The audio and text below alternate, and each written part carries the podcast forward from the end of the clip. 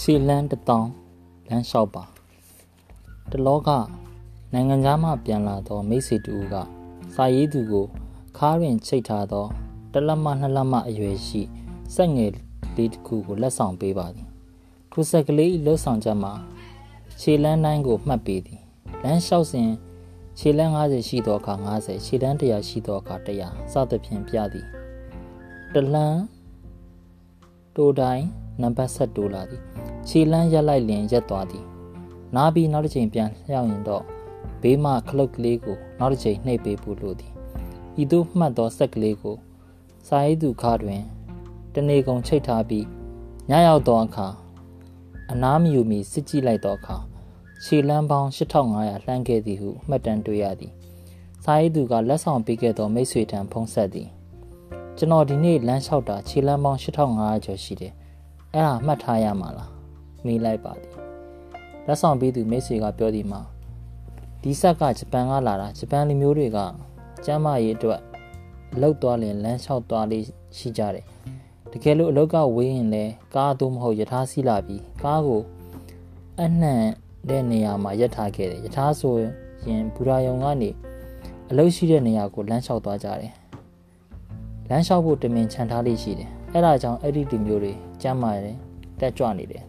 အသက်ရှိခြင်းကပတ်ကိုတိုးပါစီဆိုတဲ့စကားရှိတယ်မဟုတ်လားကပတ်ပတ်တယ်ဆိုတာဘိုက်စီချဖို့ပြောတာ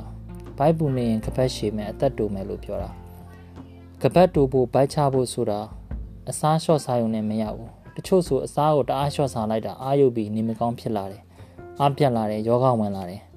အဲနေကောင်းအောင်ကုသပြီးအစားစားပြန်စားရော အားရှိအောင်ဆိုပြီးတွန်းဆလိုက်တာငကိုထပ်ပိုးပြီးဝသွားရောတကယ်တော့ကပတ်တူဖို့ body weight ချဖို့အတွက်အကောင်းဆုံးသောစီနီးကတော့လမ်းလျှောက်ခြင်းပဲလမ်းလျှောက်ခြင်းအတွက် special သူတည်တနာပြုထားတဲ့ပညာရှင်တွေရဲ့တွေ့ရှိချက်ကကျမ်းမာခြင်းတစ်ကနေခြေလန်းဘလောက်များရှောက်ရမလဲသိလားစာရေးသူကမသိဘူးဖြေလိုက်ပါသည်မှတ်ထားဒီနေ့ခြေလန်းပေါင်းတထောင်ရှောက်ရမယ်တဲ့ ဖះကြီးဖြစ်နိုင်ပါမလားအလွတ်လွတ်ချင်းကောရှိပါမလားစာရေးသူဟာမေးမိပါသည်ဘာမှမဖြစ်နိုင်စရာမရှိပါဘူးလမ်းလျှောက်တယ်ဆိုတာအပြင်ထွက်ရှောက်မှလမ်းလျှောက်တာမဟုတ်ဘူးအိမ်ထဲမှာရှောက်တာ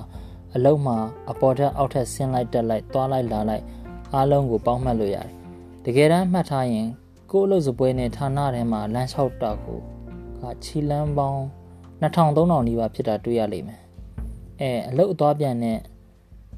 ခြေလမ်းပေါင်း9000လောက်လျှောက်လိုက်နှစ်မိုင်တတပေါ့အိမ်ပြန်ရောက်တဲ့အခါကျတော့အဝတ်လဲတာနဲ့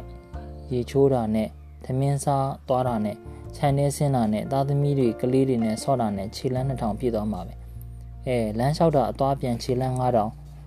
ရုံးမှာအလုတ်မှာလမ်းလျှောက်တာကခြေလမ်း3000အိမ်မှာပြန်ရောက်တော့လှုပ်ရှားရှိတာတွေလှုပ်ရင်းနဲ့လျှောက်တာခြေလမ်း2000ဆိုရင် အဲအားလုံးပေါင်းလိုက်ရင်ခြေလန်းတစ်တောင်းဖြစ်ပြီပေါ့ဘာမှအထွေထူးအားဆိုင်နေရတဲ့အလုပ်မဟုတ်ပါဘူး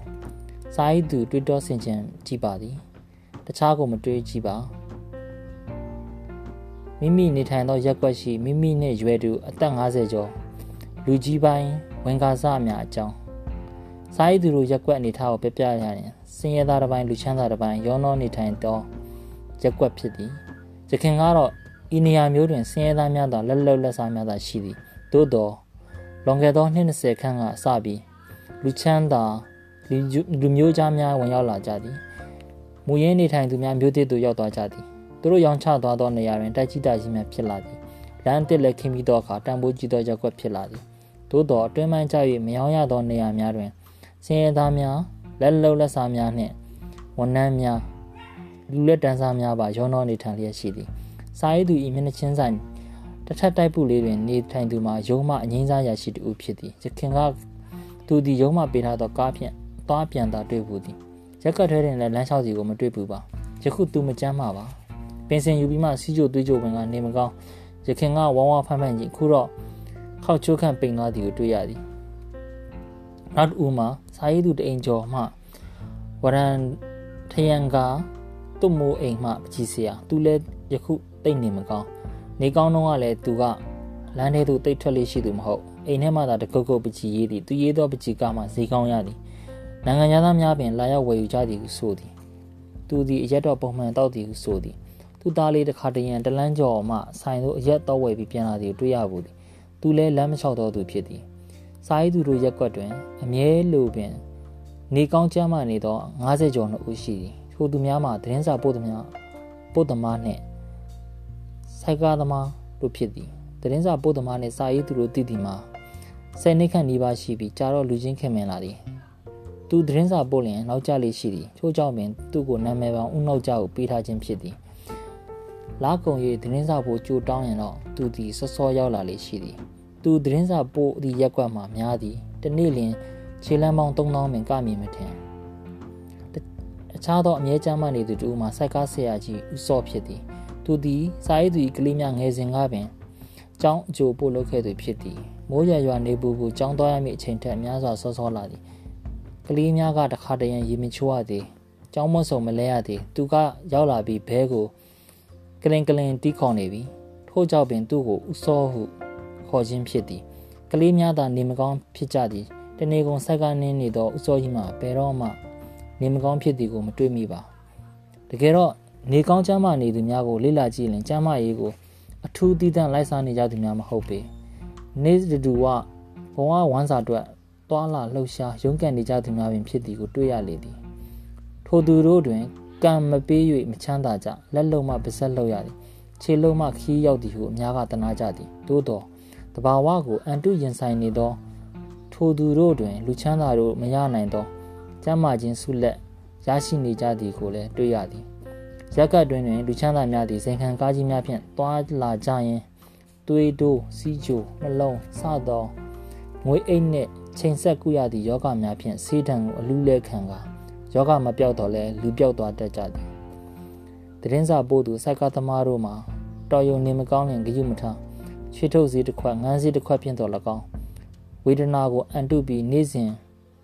ခြေနှချောင်းကိုအားထားကာတွာလာလှုပ်ရှား နေကြသူများဖြစ်သည်သူတို့ကျမ်းမာရေးမှာသူတို့ခြေရှင်တောင်းနေခြင်းဤရလက်ပင်ဖြစ်သည်သူတို့၏ဆရာဝန်မှာလည်းသူတို့၏ခြေနှချောင်းပင်ဖြစ်ပါတော့သည်ဤကုန်းအားဖြင့်နေ့စဉ်ခြေလန်းတစ်တောင်းလမ်းလျှောက်ပါလမ်းလျှောက်ခြင်းဖြင့်ကျမ်းမာအစာကြေ